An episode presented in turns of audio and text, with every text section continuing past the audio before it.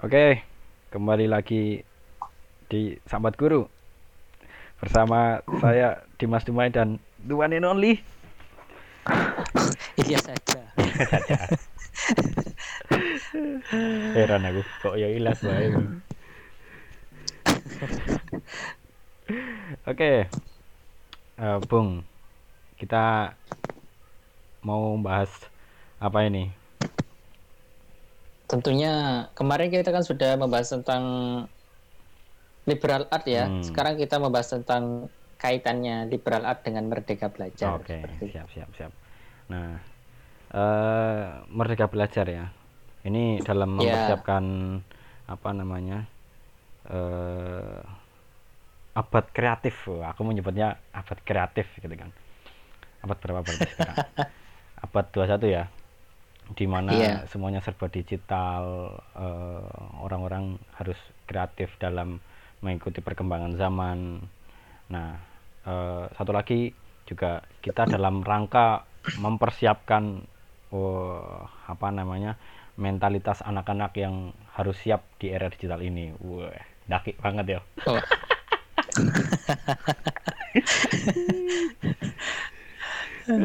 Oke, eh, tadi Merdeka Belajar dan apa namanya eh, liberal arts education gitu kan dalam mempersiapkan tadi abad kreatif dan menta- mentalitas anak-anak yang harus siap dengan perkembangan zaman. Coba apa sih itu Merdeka Belajar? Kemudian nanti kita bahas kita kontekstualisasikan dengan liberal art. Kita Merdeka Belajar dulu apa sebetulnya? ya. Sebenarnya kalau merdeka, merdeka belajar itu dicetuskan oleh menteri kita ya, Pak Hmm. Nadiem Makarim itu seperti itu kan ya. Mas Nadim, Mas Nadim. Itu dilandasi ya, Mas Nadiem, Mas Menteri gitu kan Iya, ya. ya, Mas Menteri. Itu di dilandasi dengan apa sih? eh, latar belakangnya, latar, latar belakangnya. Mm, mm, mm. Di antaranya adalah satu, itu standar yang terlalu tinggi yang ditetapkan yang ditetapkan oleh pemerintah sebelum-sebelumnya. Di antaranya apa? Tentang UAS atau UN atau UAS BN. Nah, itu kan satu. Yang kedua adalah administrasi. Administrasi yang terlalu membe- membebani guru ya kan di sini dalam tanda kutip.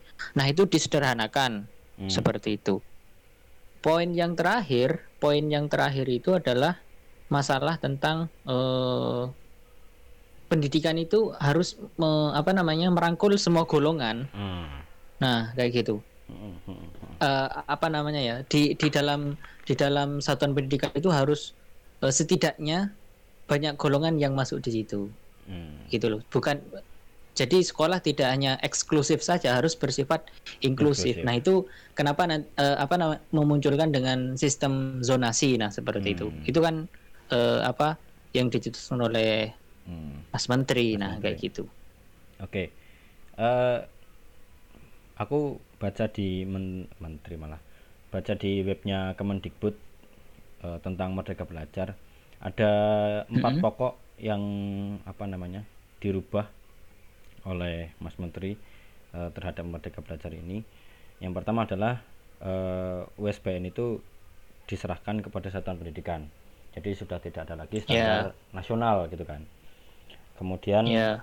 eh, UN UN itu dihapus tahun sebetulnya mulai tahun ini tapi karena pandemi tahun 2020 UN sudah dihapus jadi nggak ada lagi UN nah gantinya itu kan AKM dan survei karakter nah nanti kita bisa bahas Ya, benar. panjang kemudian RPP sudah lagi yang nggak berlembar-lembar kalau misalkan teman-teman yang apa namanya tidak dalam profesi guru mungkin RPP itu kan rencana pembelajaran. Nah, itu disusun dulu ya. Dulu itu disusun berlembar-lembar banyak banget. Ada lampiran Ya. ini itu dan sebagainya. Nah, oleh Mas Menteri ini diganti udahlah. Eh yang namanya perencanaan itu yang penting sudah mencerminkan tujuan, kemudian eh, metode sudah lagi yang- yang nggak berlembar-lembar, tapi cukup dengan satu lembar untuk RPP biar guru itu tidak terbebani dengan masalah administratif tapi lebih kepada bagaimana Ya. eh, pembelajaran itu berlangsung lebih lebih ke situ nah kemudian poin yang terakhir atau yang keempat yaitu eh, PPDB atau penerimaan peserta didik baru itu eh, apa namanya sudah menggunakan konsep zonasi yang lebih eh, inklusif gitu kan dan lebih fleksibel sudah menghilangkan eh, diskriminasi diskriminasi karena kalau apa namanya PPDB itu tidak zonasi kan eh, nanti antara apa namanya sekolah dulu ada sekolah RSBI, SSN dan sebagainya itu jomplang dengan sekolah yang ada di Ya. eh, desa-desa. Nah, inginnya zonasi atau PPDB zonasi ini kan menghilangkan hal-hal yang seperti itu biar sekolah itu lebih inklusif gitu. Nah, itu Nah, yang ya benar-benar. Terus eh gimana kamu melihat perubahan ini gitu loh, khususnya dalam Merdeka Belajar? Nah, ini sebenarnya apa ya? Sebuah sebuah terobosan yang bagus ya sebenarnya.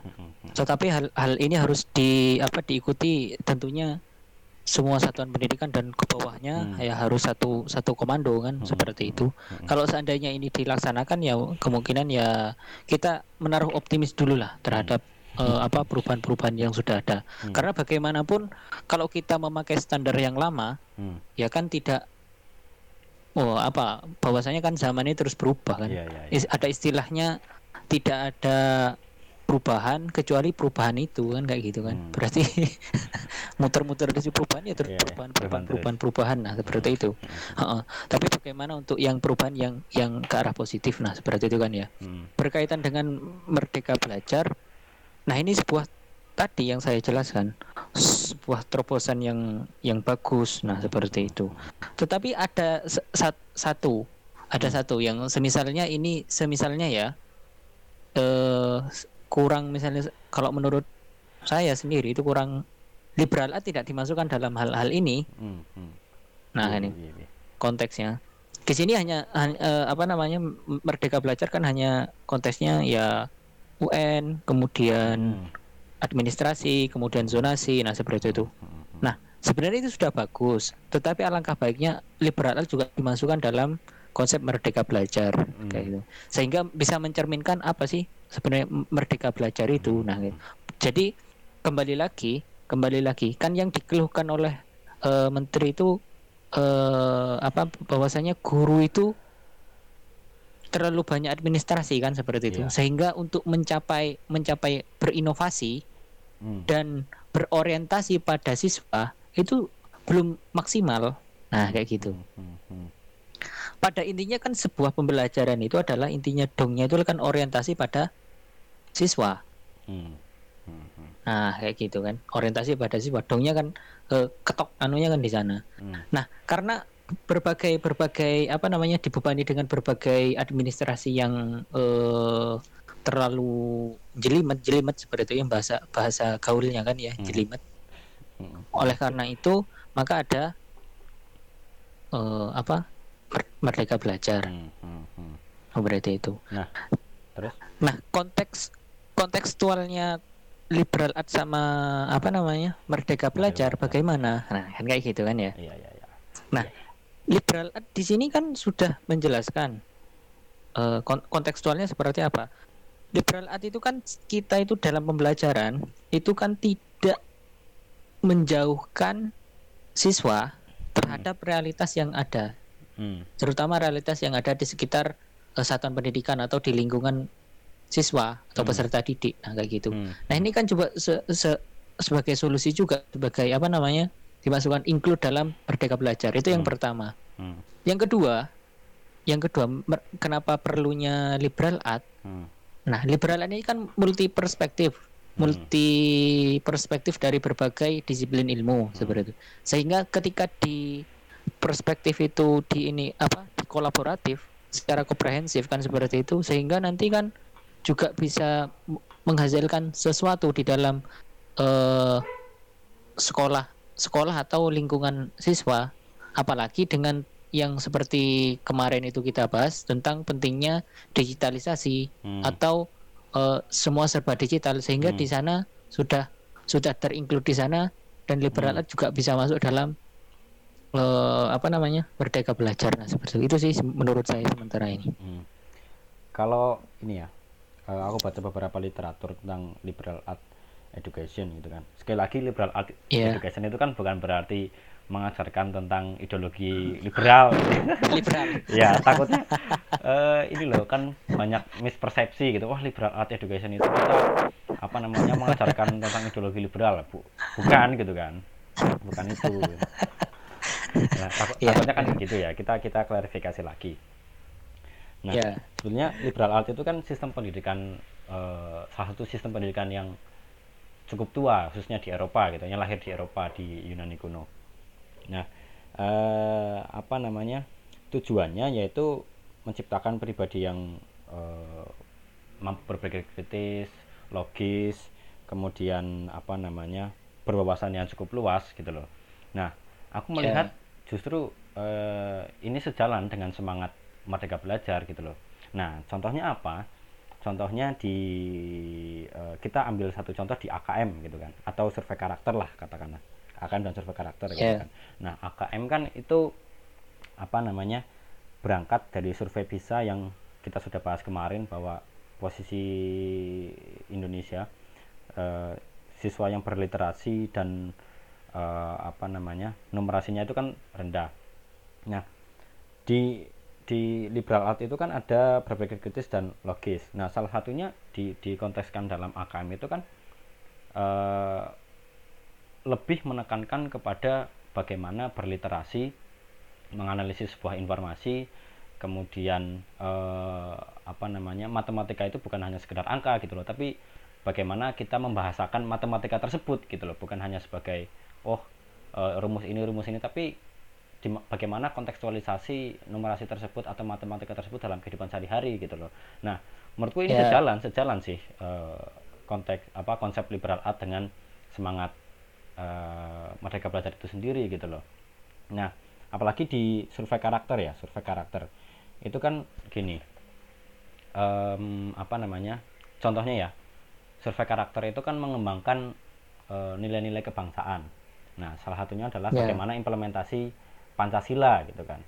kalau sebelum-sebelum ini kan apa namanya uh, kita hanya belajar Pancasila. Sila pertama implementasinya seperti apa? Hanya pengetahuan kognitif saja gitu loh yang dikembangkan. Tapi tidak kontekstualisasi dalam kehidupan sehari-hari. Nah, nantinya di survei karakter ini adalah bagaimana siswa ini nantinya mengimplementasi nilai-nilai Pancasila. Nah, hasil dari survei tersebut itu dikembalikan lagi kepada sekolah untuk menentukan kebijakan-kebijakan uh, yang disesuaikan dengan perkembangan peserta didik, gitu loh. Nah, menurutku ini salah satu apa ya uh, terobosan yang bagus dan sejalan dengan konsep liberal art, di mana uh, yaitu tadi liberal art adalah tujuannya dalam menciptakan manusia-manusia yang dapat berpikir kritis, logis, dan berwawasan luas. Kalau menurutku gitu sih, sementara.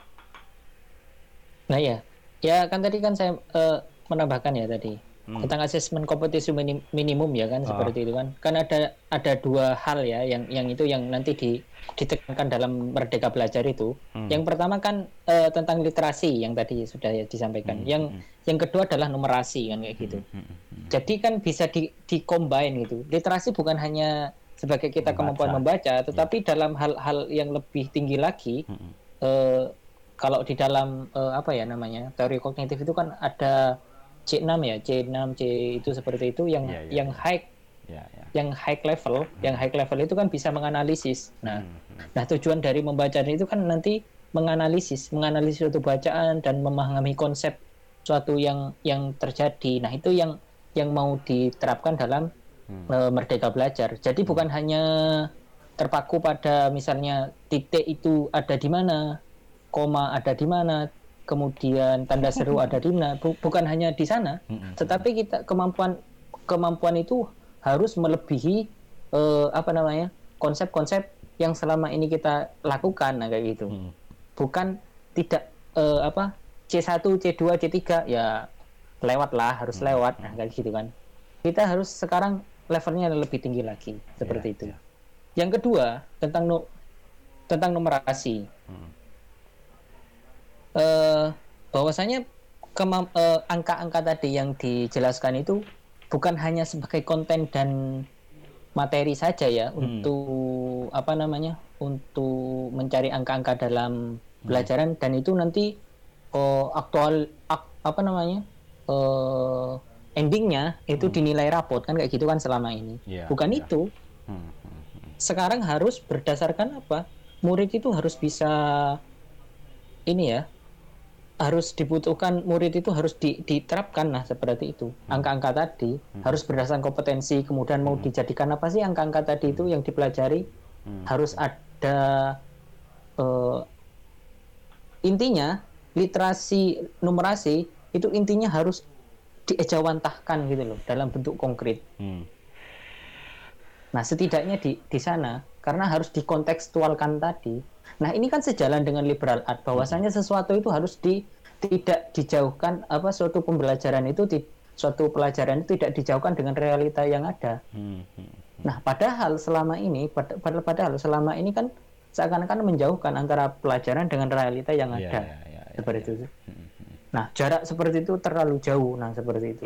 Karena apa yang yang yang dipahami selama ini kan hanya kita pe- peserta didik itu dikasih konsep-konsep, kemudian isi-isi yang yang itu usang gitu loh. Sudah tidak kontekstual lagi terhadap apa yang ada. Hmm. Sehingga ketika tidak multi perspektif tadi, Hmm. ya tujuan tujuan merdeka belajar nanti kan seperti apa kan kayak gitu. Makanya ini kontekstual sekali ketika memasukkan liberal art terhadap Merdeka me- belajar. eh, merdeka belajar. Nah, seperti itu menurut saya sih. Hmm, tapi gini juga sih, apa namanya? eh, ini butuh butuh proses yang panjang ya tentu ya dan usaha Ya. dari semua pihak gitu. Jadi nggak cuma sekolah, nggak cuma pemerintah, tapi juga eh, orang tua, lingkungan gitu kan juga membutuhkan. Karena gini, eh, ya sekali lagi ya kita itu terlambat di beberapa hal lah. Kita kita nggak jujur aja gitu kan.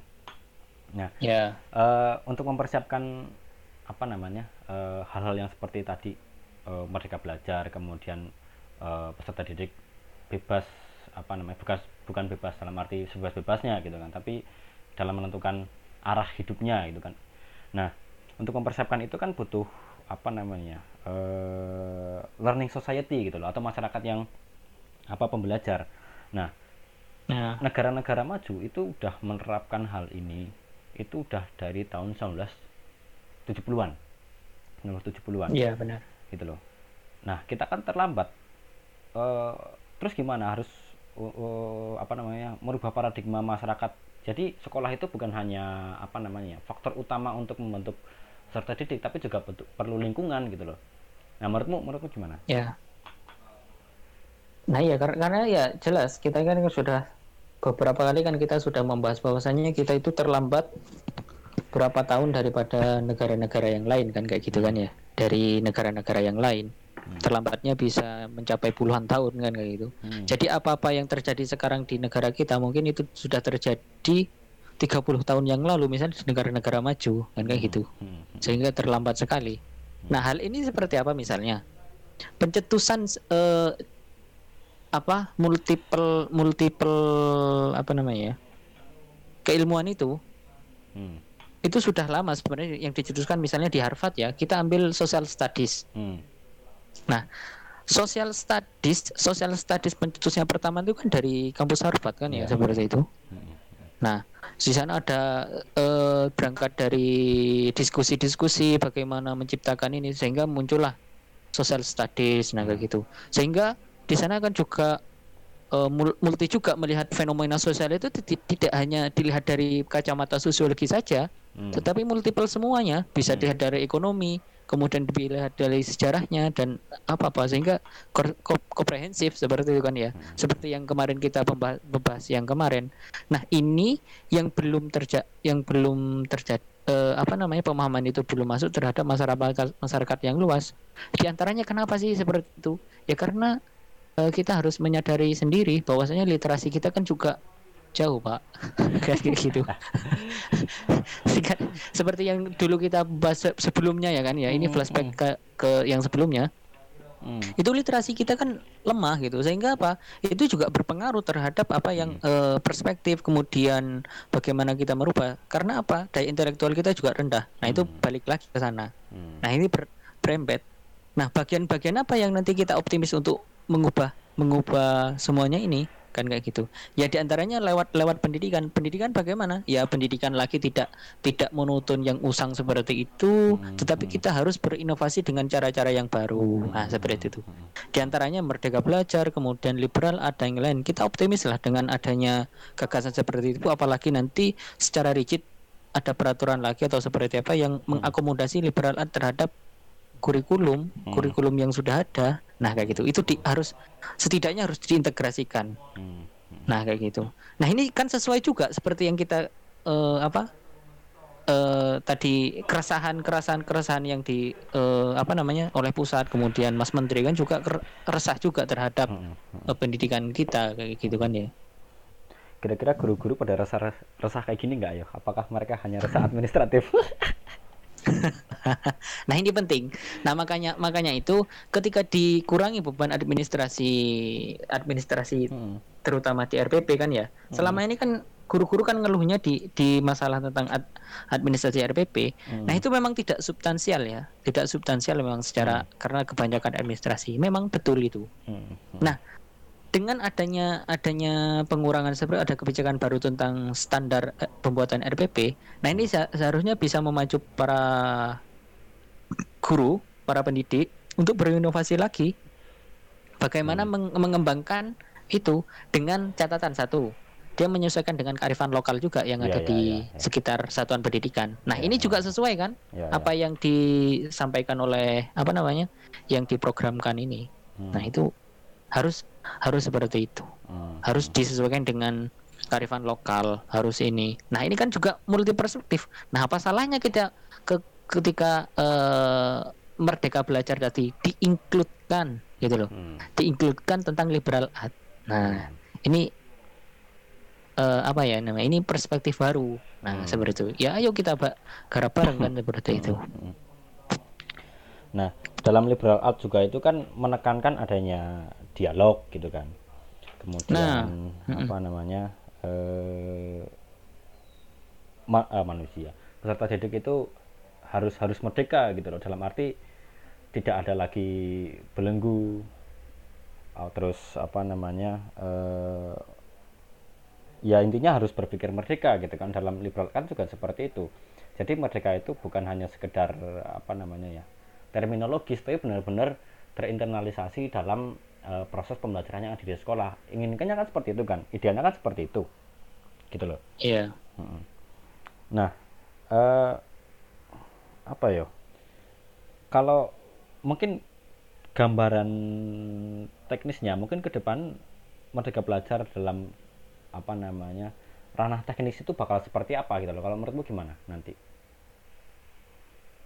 gimana gimana Dalam Sorry, ranah sorry. teknis gitu loh. Dalam ranah teknis nantinya eh, ya dalam proses pembelajaran itu tadi ya, itu Merdeka Belajar yang disisipkan liberal art itu itu menurutmu bakal seperti apa?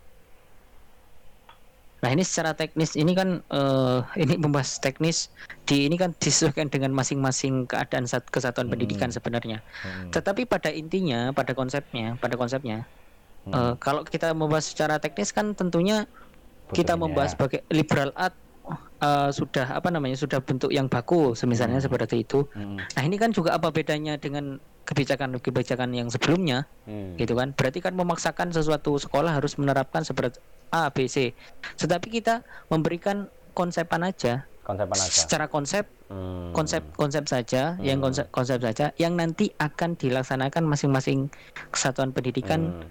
sesuai dengan keadaan kemudian kearifan lokal. Nah itu penting juga di ini kan apa di- dipertimbangkan. Nah seperti itu. Hmm. berarti pada intinya pada in- Ah.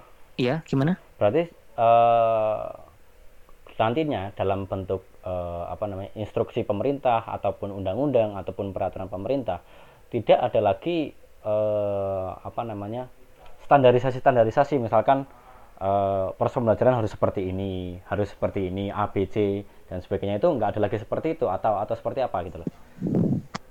Setidaknya ada tiga konsep ya yang seperti RPP tadi kan tujuan misalnya kan ya. Hmm. pokok materi. Nah itu penting untuk untuk di apa namanya untuk ditetapkan gitu loh biar tidak ke eh, ke mana-mana seperti itu kan tentang tujuan. Kemudian yang paling terpenting adalah bagaimana?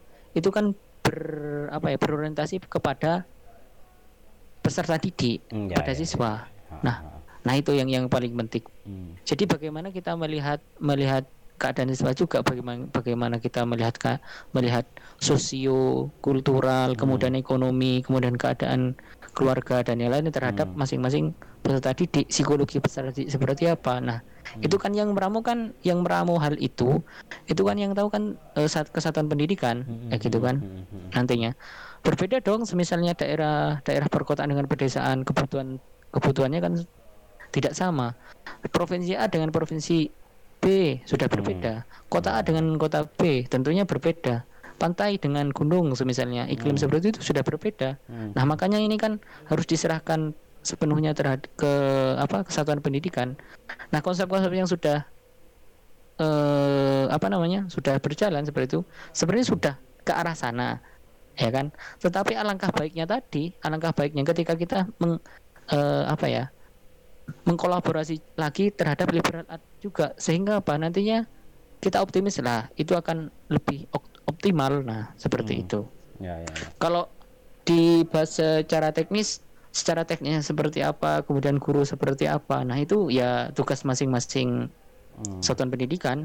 Hmm, nah kayak gitu untuk meramunya lagi hmm, nah kayak kan sekarang kan sudah di- dikasih kebebasan ya bagi beberapa satuan pendidikan hmm, hmm. untuk berinovasi apalagi kepada eh pendidik nah seperti itu Ya, ya, ya. Tapi ini juga berarti eh, kalau aku melihatnya dari sat- eh, kacamata ke- kebijakan yang dibuat pemerintah gitu kan. Karena pendidikan yang ada di Indonesia, konsep pendidikan yang- yang di Indonesia itu kan sudah terlembaga sedemikian rupa gitu loh. Sehingga menciptakan kesadaran-kesadaran eh, akhirnya yaitu tadi kebijakan itu membuatkan membuat kesadaran-kesadaran tersendiri oleh eh, terutama para pendidik.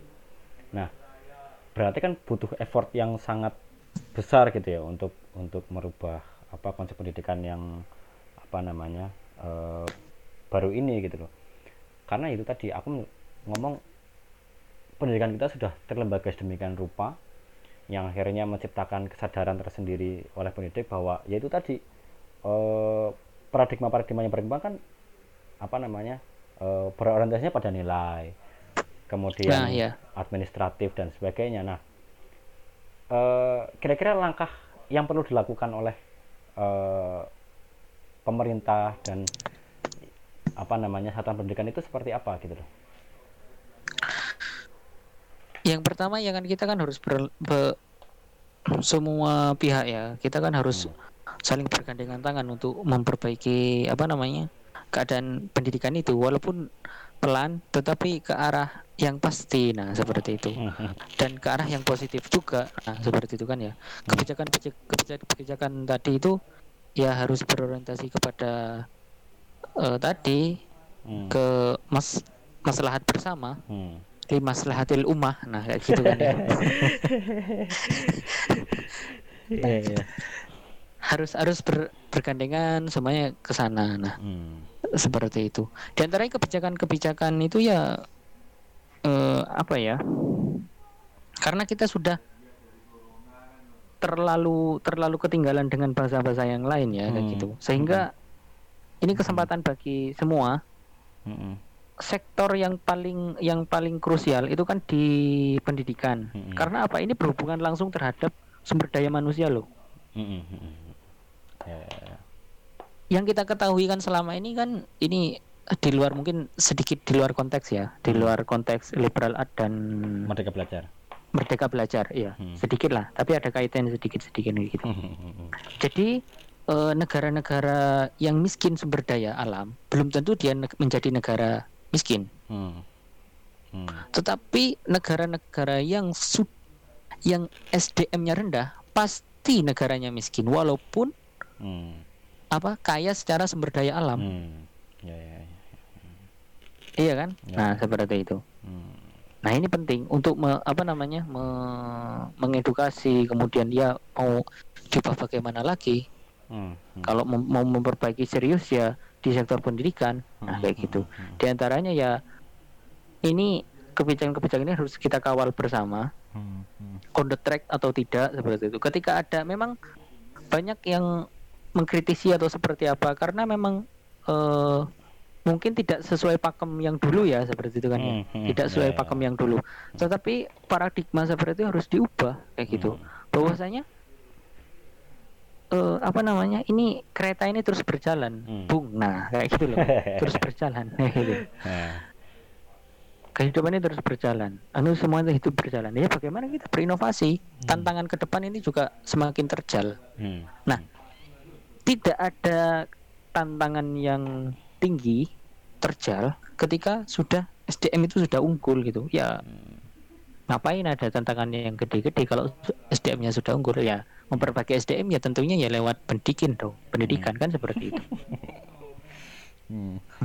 ya ya ya ya Jadi benang benang merahnya kan sudah kelihatan ya. Hmm. ya ya ya Nah, tetapi itu secara idealnya kan seperti itu. Nah, kembali lagi pada nanti secara kebijakan dan ini kan juga perlu kita kawal bersama nah kayak gitu. Hmm. Kadang-kadang yang idealnya seperti apa, kemudian di praktek di lapangan seperti apa.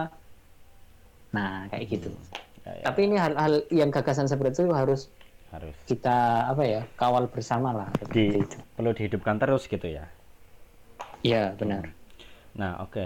Kita kembali lagi dalam eh, konteks eh, apa namanya merdeka belajar gitu kan. Aku aku meng, apa namanya recall lagi lah. Recall tentang latar belakang kenapa ada merdeka belajar. Tadi kan USBN diserahkan kepada satuan pendidikan, terus UN itu diganti menjadi AKM dan survei karakter gitu kan. Nah, aku menyoroti AKM ini gitu kan. AKM itu kan berangkat dari Ya, eh, survei PISA yang Ya, benar. mana seperti aku jelaskan tadi eh, kita itu berada di 10 besar paling belakang. dari 60 Eh, 62 dari 72 ya. eh, eh, eh. nah, di mana eh, AKM ini kan menekankan kepada literasi dan numerasi gitu kan di mana literasi itu menganalisis bacaan bukan lagi hanya sekedar membaca tapi udah pada tahap menganalisis gitu kan. Kemudian eh, atau mungkin nanti apa yang dibaca dikonsepkan eh, atau dikontekstualisasikan dalam kehidupan sehari-hari gitu kan. Nah Iya, benar. eh, mempersiapkan apa namanya eh, sumber daya yang unggul salah satunya kan dengan berliterasi gitu kan. Jadi literasi itu bukan hanya hanya untuk pengetahuan saja atau sekedar kognitif gitu kan tapi juga untuk mengontekstualisasikan dalam kehidupan sehari-hari gitu loh.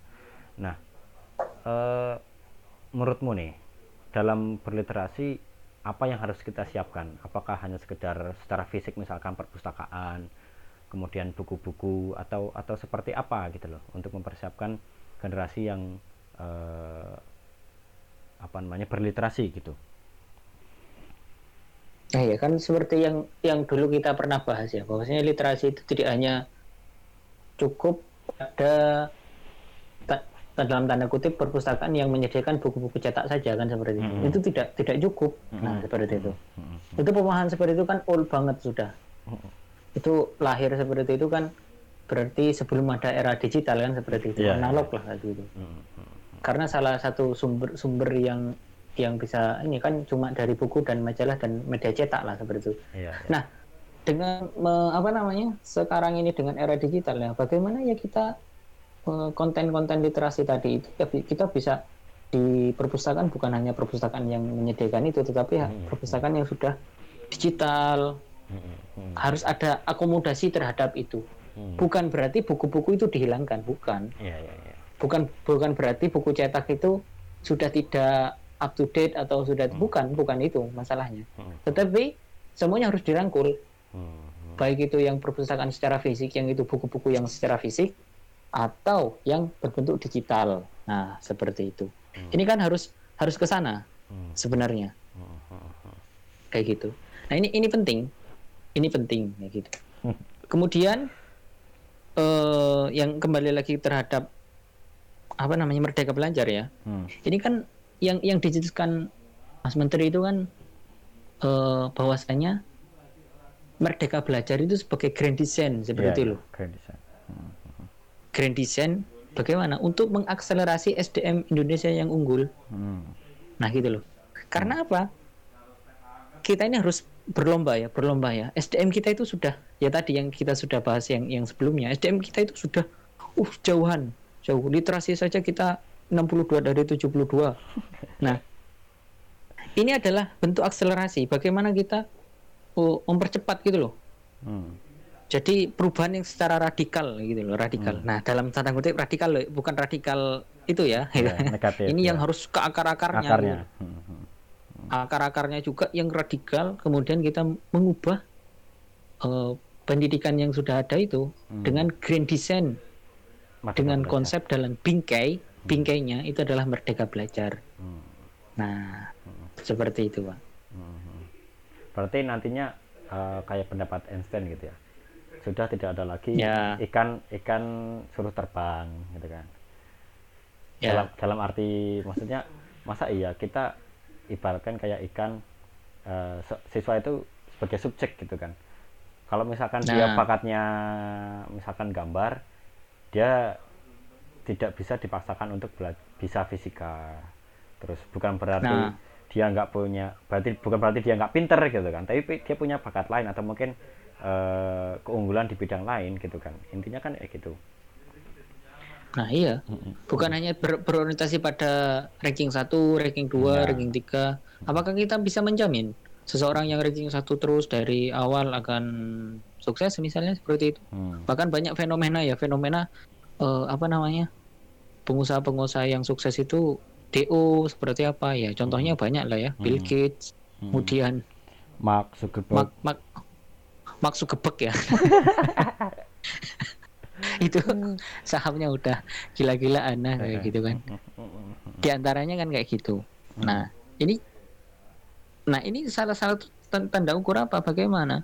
Bahwasanya pen- pendidikan yang nilainya tinggi itu juga tidak kontekstual dong ketika mencap apa itu sebagai tolak ulur kesuksesan. Nah, kayak Hmm. gitu kan ya. Hmm. Nah, ini pembelajaran juga harus mengakomodasi kepada itu. Berarti yang pinter itu bukan hanya yang fisika saja, Hmm. tetapi pinter seni misalnya. Hmm. Bagaimana semisalnya ya seorang Lionel Messi gitu kan disuruh dia harus mencapai fisika minimal 7 nah seperti itu. Ya, ya, ya, ya. Dari beberapa wawancara kan sudah dijelaskan bahwasanya dia tidak mampu hal-hal itu yang yang numerik. Tapi bagaimana kita meragukan kualitas Messi di lapangan bola kan kayak gitu kan ya. Hmm. Hmm. Hmm. Nah, ini penting, ini penting. Hmm. Ya, ya, I- ya. ini ini hal-hal hal-hal hal-hal yang penting gitu loh. Jadi pendidikan juga mengakui Hmm. sesuatu yang di luar di luar misalnya tidak pintar matematika tidak secara unggul itu yaitu Hmm. sebagian unggul juga harus dihargai juga nah Hmm. gitu loh Hmm. Hmm. maksudnya Hmm. Hmm. nah kan selama ini kita mengesampingkan ya bahwasanya Lionel Messi seperti itu kan ya Hmm. seperti itu Hmm. Hmm. Ya, Lionel ya, Messi adalah eh bad bad apa ya prestasinya menurun di sekolah gitu kan Hmm. Hmm. Hmm. Hmm. iya tidak Iya, benar, benar, benar, benar, benar. karena tidak diakomodasi dengan sistem sekolah yang ada Hmm. Ya, ya. nah gitu Hmm. Hmm. nah ini ini penting Hmm. nah yang seperti seperti itu Hmm, ya ya. Terus ini ya, eh AKM sama survei met, eh, survei meter malah. survei karakter itu kan eh apa namanya bukan menjadi standar kelulusan juga gitu kan ya, bukan menjadi standar kelulusan gitu misal karena a- aku masih beberapa kali dengar wah AKM eh sesok ki gue standar kelulusan standar buat apa kenaikan kelas dan sebagainya gitu kan. Nah, AKM itu bukan menjadi standar kelulusan kalau kalau apa namanya eh, saya boleh mengatakan gitu ya.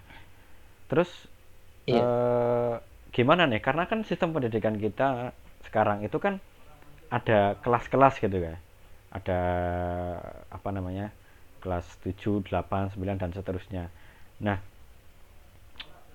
menurutmu gimana nih? Eh itu kan juga bertentangan dengan liberal art juga. Bertentangan dengan semangat merdeka belajar juga gitu loh di mana mereka itu sudah tidak terbebani lagi dengan yaitu tadi harus sudah tidak terbebani lagi dengan nilai-nilai kelulusan. Tapi nyatanya eh, pendidikan kita kan masih ada kelas-kelas gitu harus naik kelas kemudian apa namanya naik ke jenjang selanjutnya. Nah itu gimana gitu loh? Ya maksudnya di sini liberal art juga nggak se apa ya senekat itu gitu loh Hmm. bukan berarti konsep kita mengubah kelas-kelas yang sudah ada yang yang selama ini kayak gitu. Hmm. itu kan perubahan yang secara saya juga tidak tahu gitu kan. Tetapi dalam dalam dalam tanda tanda apa namanya kutipnya ya bahwasanya Hmm. li- liberal itu tidak me- me- anu apa namanya jenjang-jenjang itu ya masih perlu kita gitu Hmm. kan ya Hmm, hmm, hmm.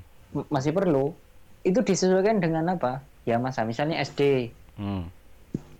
atau SMP seperti apa nanti SMP juga berbeda SMA juga berbeda. Hmm. nah nanti kalau tidak ada kelas-kelas seperti itu kan juga naif juga ya Hmm, kalau hmm, gitu. Misalnya anak yang baru kelas 1 SD masa mau mempelajari kelas 6 hmm, hmm, nah gitu loh. Hmm. Nah, nah untuk beberapa untuk beberapa apa namanya ya jenjang pendidikan itu masih penting untuk beberapa. Hmm, hmm, hmm. untuk beberapa ya. Kayak gini ini ini ini dalam tanda kutip Hmm. tetapi seperti misalnya kuliah dan lain-lain itu juga berbeda juga nanti Ya, kayak ya, gitu ya, ya. Terus lantas ini gini. ah, disesuaikan hmm. Lantas gimana? eh, misalkan ya, oh anak ini udah siap, misalkan masuk SMP. Oh anak ini eh, apa udah siap naik kelas. Nah itu nantinya seperti apa kira-kira dalam ko- eh, konsep merdeka belajar gitu loh? Karena ya itu tadi AKM dan apa namanya survei karakter itu bukan lagi sebagai standar kelulusan ataupun kenaikan kelas gitu loh. Nah untuk menyatakan oh ini anak udah siap, oh ini anak eh, belum, ini ini apa namanya ya tahap berpikirnya masih masih dalam ini ini ini gimana nanti kira-kira? nah itu kan juga nanti kan tergantung dari satuan pendidikan yang yang menentukan Hmm, hmm, hmm, hmm. nah acuannya seperti apa nah itu kan kesepakatan bersama misalnya dewan dewan guru atau seperti apa membuat eh, sesuatu kebijakan misalnya seperti apa nah kayak gitu kan ya. Hmm, yang hmm, bisa mengakom yang bisa mengakomodasinya gitu loh. Hmm, hmm, hmm, kereta-kereta apa saja yang yang masih belum belum hmm, apa namanya belum terpenuhi. Hmm, nah tentunya kriteria-kriteria ini kan juga berbeda. Kalau dulu kan kri- kriteria itu kan di- ditentukan oleh eh, hasil rapot. pusat. Nah kayak gitu Hmm, kan ya. ya, hasil rapor dan lain Hmm, kemudian nilai yang harus 75 nah Hmm. ini harus di- disesuaikan juga lagi nanti ke Hmm. ketika kesatuan pendidikan ya. tidak tidak sekaku dulu gitu loh hmm, ya, Nah, ya. tentunya kualitas misalnya di kota dengan yang di desa misalnya agak berbeda karena Hmm, fasilitas dan lain-lain kan kayak gitu hmm, atau latar belakang latar belakang masing-masing apa orang tua hmm, itu kan juga berbeda-beda sehingga juga standar-standar yang yang eh, apa nanti diberlakukan di satuan pendidikan itu kan yang menentukan satuan pendidikan yang lebih tahu apa keadaan siswa kemudian lebih tahu Hmm. juga eh, sosial kultural psikologi hmm. ekonominya itu yang tahu kan kesatuan pendidikan tidak disamaratakan nah kayak gitu Hmm. Ya, ya, ya. Apa nantinya apa ya? eh, nggak nggak menciptakan apa ya sekolah yang eksklusif lagi gitu loh ketika ketika diserahkan lagi kepada satuan pendidikan. Loh, tidak dong. Yang eksklusif lagi kan seperti apa? Kan sudah ada sistem zonasi tadi itu, Hmm.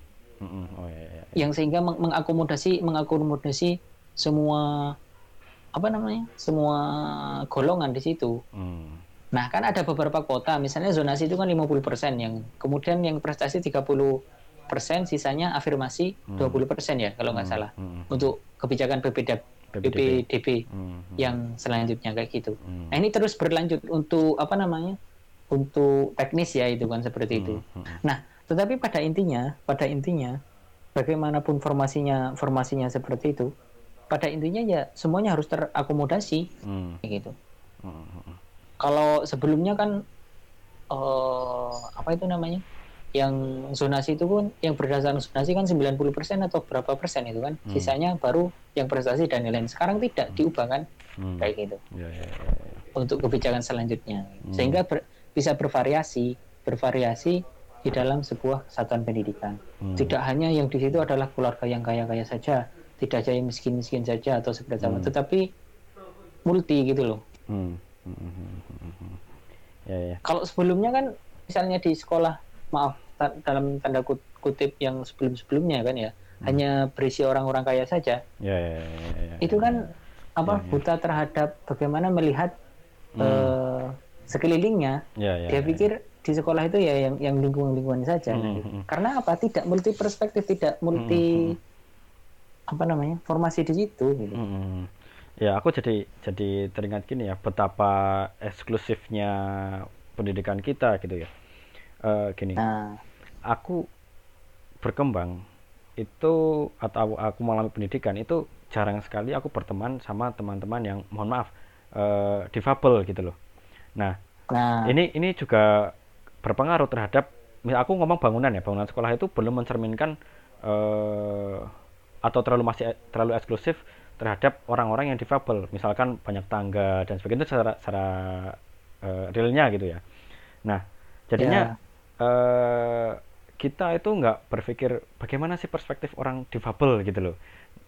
Kan kita nggak pernah mendapatkan pendidikan yang seperti itu gitu loh. Kita terlalu eksklusif gitu kan. Nah ya aku optimis juga sih eh, dengan adanya Merdeka Belajar ini di mana PPDB itu sudah lagi tidak eksklusif gitu loh. Yaitu tadi menghilangkan diskriminasi diskriminasi Ya. gitu sih kalau menurutku. Ya karena karena apa? Jadi ya eh, maaf di di di fabel gitu kan sering dibully ya kan ya? Ya ya ya, ya. sering dibully ketika kar- karena ini kan kurang kurang apa? Kurang kurang ya pengajaran lah dari ini. Perspektifnya harus diubah nah kayak gitu. Hmm, nah dengan merdeka belajar ini kan perspektifnya juga juga berubah. Hmm, nah kayak gini. Hmm. jadi kan selama ini selama ini apa namanya kasus pembulian kasus ya ya ya, ya. oh banyak ya banyak banget ya. Hmm. banyak banget pembulian dan lain-lain karena misalnya eh, beda warna kulit saja lah Hmm, gitu kan ya ya ya ya, ya. karena warna kulit sudah menjadi bulian nah, seharusnya kan eh, ini dengan merdeka belajar nah ini harus terintegrasi juga Hmm. bagaimana merdeka belajar itu mengakomodasi itu semua gitu loh Hmm, ya ya ya, ya. sekolah yang misalnya bebas dari perundungan bully Hmm. yang di antaranya ya teman-teman teman-teman difabel gitu kan harus di, di apa ya diangkat lagi nah Hmm. seperti itu ya di antaranya seperti Mas Dimas Dumai tadi katakan bahwasanya gedung-gedung kita masih belum ramah difabel kok ya ya ya, ya. bagaimana kita harus apa merangkul itu lawang gedungnya saja tidak ramah nah Hmm. kayak ya ya ya, ya. perspektif-perspektif itu juga perlu kita apa diubah Hmm. Ya, ya, ya, betul, betul, betul, betul, betul. Mantap Bang Teh. Ah, udah berapa ini? 48 menit. Eh daripada kelamaan. Coba statement biasa, closing statement. Jadi kalau closing statement ya dari saya, Hmm. bagi se- kita itu hidup di era revolusi industri 4.0 ya. Hmm. Bagaimana kita mem- memanfaatkan apa namanya liberal art ini masuk dalam merdeka belajar Hmm. menjadi subsistem sub yang yang menjadi konsen dalam program merdeka belajar. Ini sangat menarik. Nah kayak gitu. Untuk apa sih? Untuk apa? Ya itu tadi. Karena kan tujuan merdeka belajar itu untuk akselerasi meningkatkan SDM yang unggul. Hmm. Nah, hal-hal yang seperti ini juga harus kita masukkan. Nah, kayak gitu. Hmm. Ini penting bagi kita semua. Ini menjadi renungan bagi semua stakeholder, bagi pemerintah, guru, dan pemangku kebijakan dan masyarakat, Hmm. orang tua dan lain-lain. Mungkin itu tadi closing statement dari saya. Wah, mantap. Mantap sekali Bung Ilyas saja. ya ya ya ya ya. Jadi eh apa namanya? Konsep konsep liberal art itu bisa terintegrasi gitu ya dalam apa namanya? kebijakan Merdeka Belajar. Nah, eh apa namanya? Harapannya kan eh apa namanya kebijakan Merdeka Belajar ini tidak hanya berhenti ketika mungkin ya Mas Nadiem itu udah nggak menjadi menteri. Karena kan apa yang selama ini terjadi kan misalkan ganti pemerintah ganti kebijakan. Nah harapannya kan tetap apa namanya eh ya ini berkelanjutan gitu loh. Nggak jadi wah ini ganti menteri terus ganti kebijakan lagi. Harapannya kan nggak kayak gitu gitu ya, Ya, Bung Ilyas saja ya, siap. Mm-mm. Terima kasih semuanya para pendengar. Sampai jumpa di episode keberapa? Episode episode ke Lima ya. Empat Besok. besok ya. Eh lima, iya, lima, lima. lima, besok lima. Oke, Oke, thank you. Bye. thank you. Bye.